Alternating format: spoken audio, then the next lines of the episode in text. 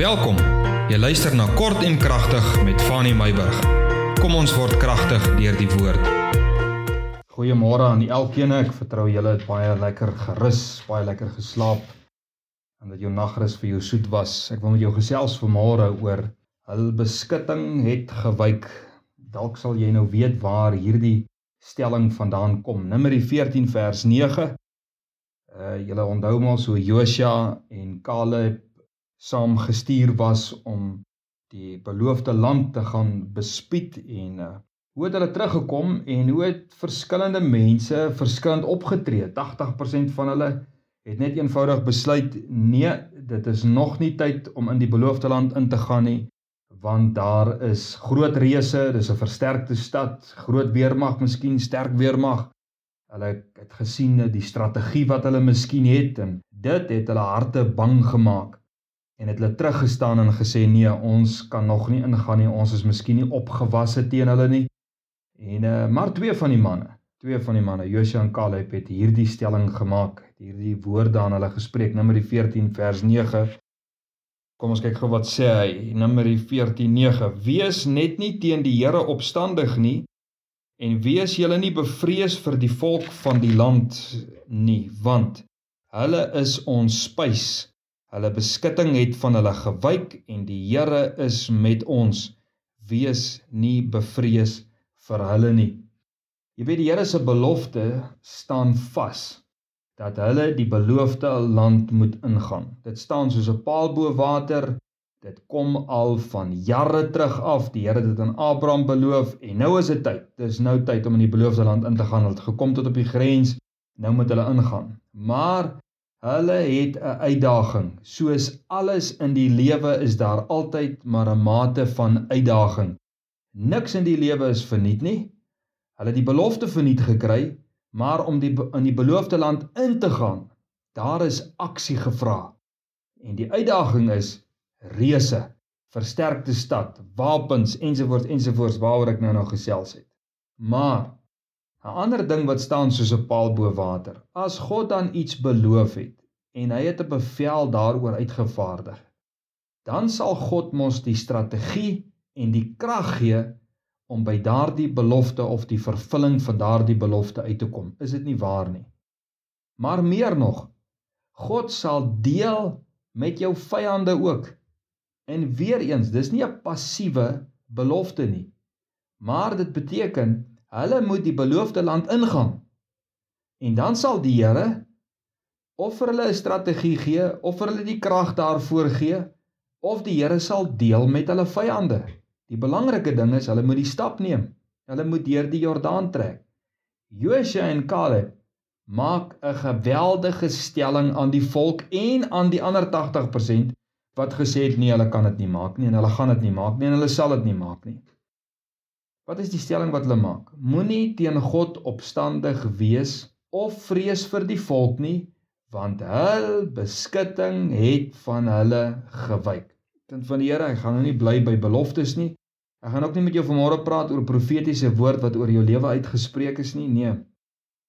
Ek wil hierdie geestelike beginsel wat ek vanmôre net graag vasmaak in jou hart. 1 Korintiërs 15 vers 55 sê Paulus die volgende. Hy sê dood, waar is jou angel?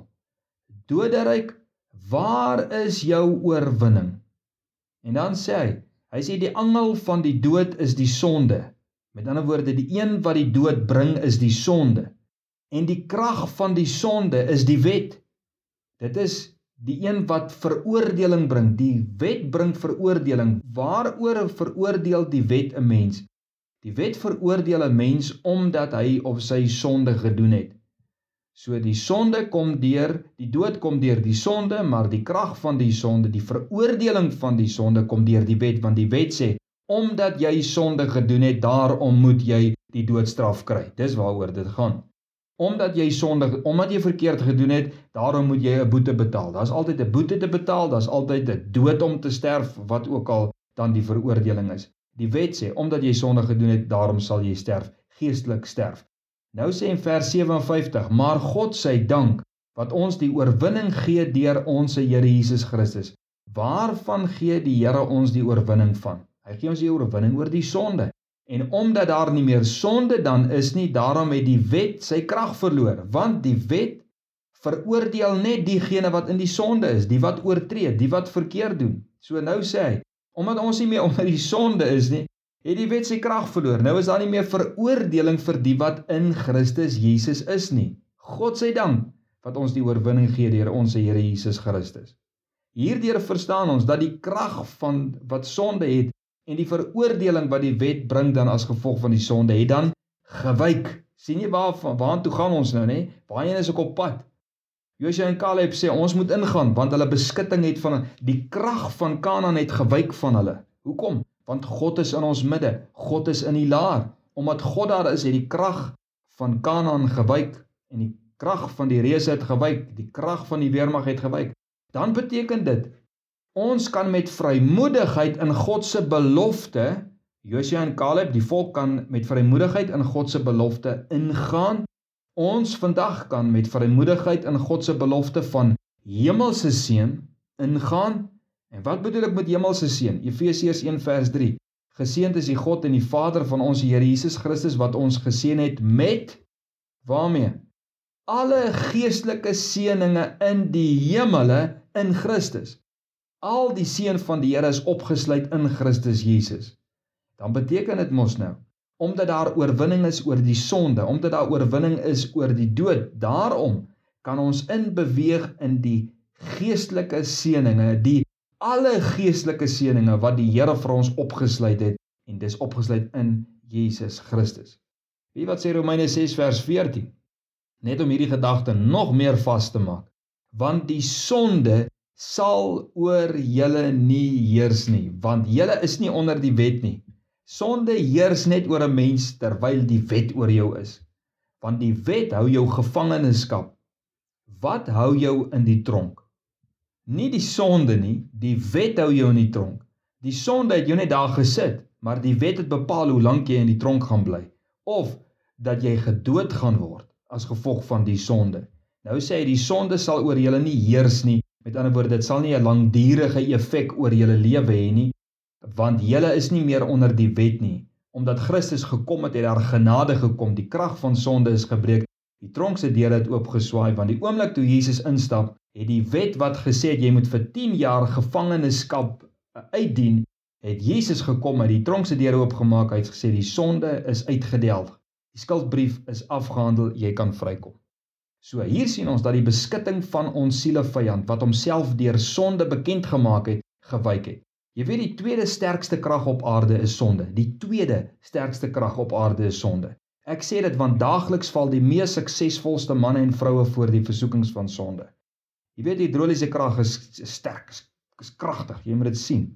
Maar die meeste mense het daardie krag nog nooit gevoel nie of dat dit hulle lewens affekteer nie. Water is kragtig, maar dit word nie ervaar as jy nie blootstelling daaraan het nie, maar sonde besoek enige mens op enige plek En elke mens op aarde het al die krag van sonde beleef. Elkeen. Tot dusver was daar nog nooit 'n kuur gevind vir hierdie krag en wat hierdie krag kan teewerk nie, hierdie krag van sonde nie. Sonde, wat ek vir jou sê, loop loshande in die wêreld rond.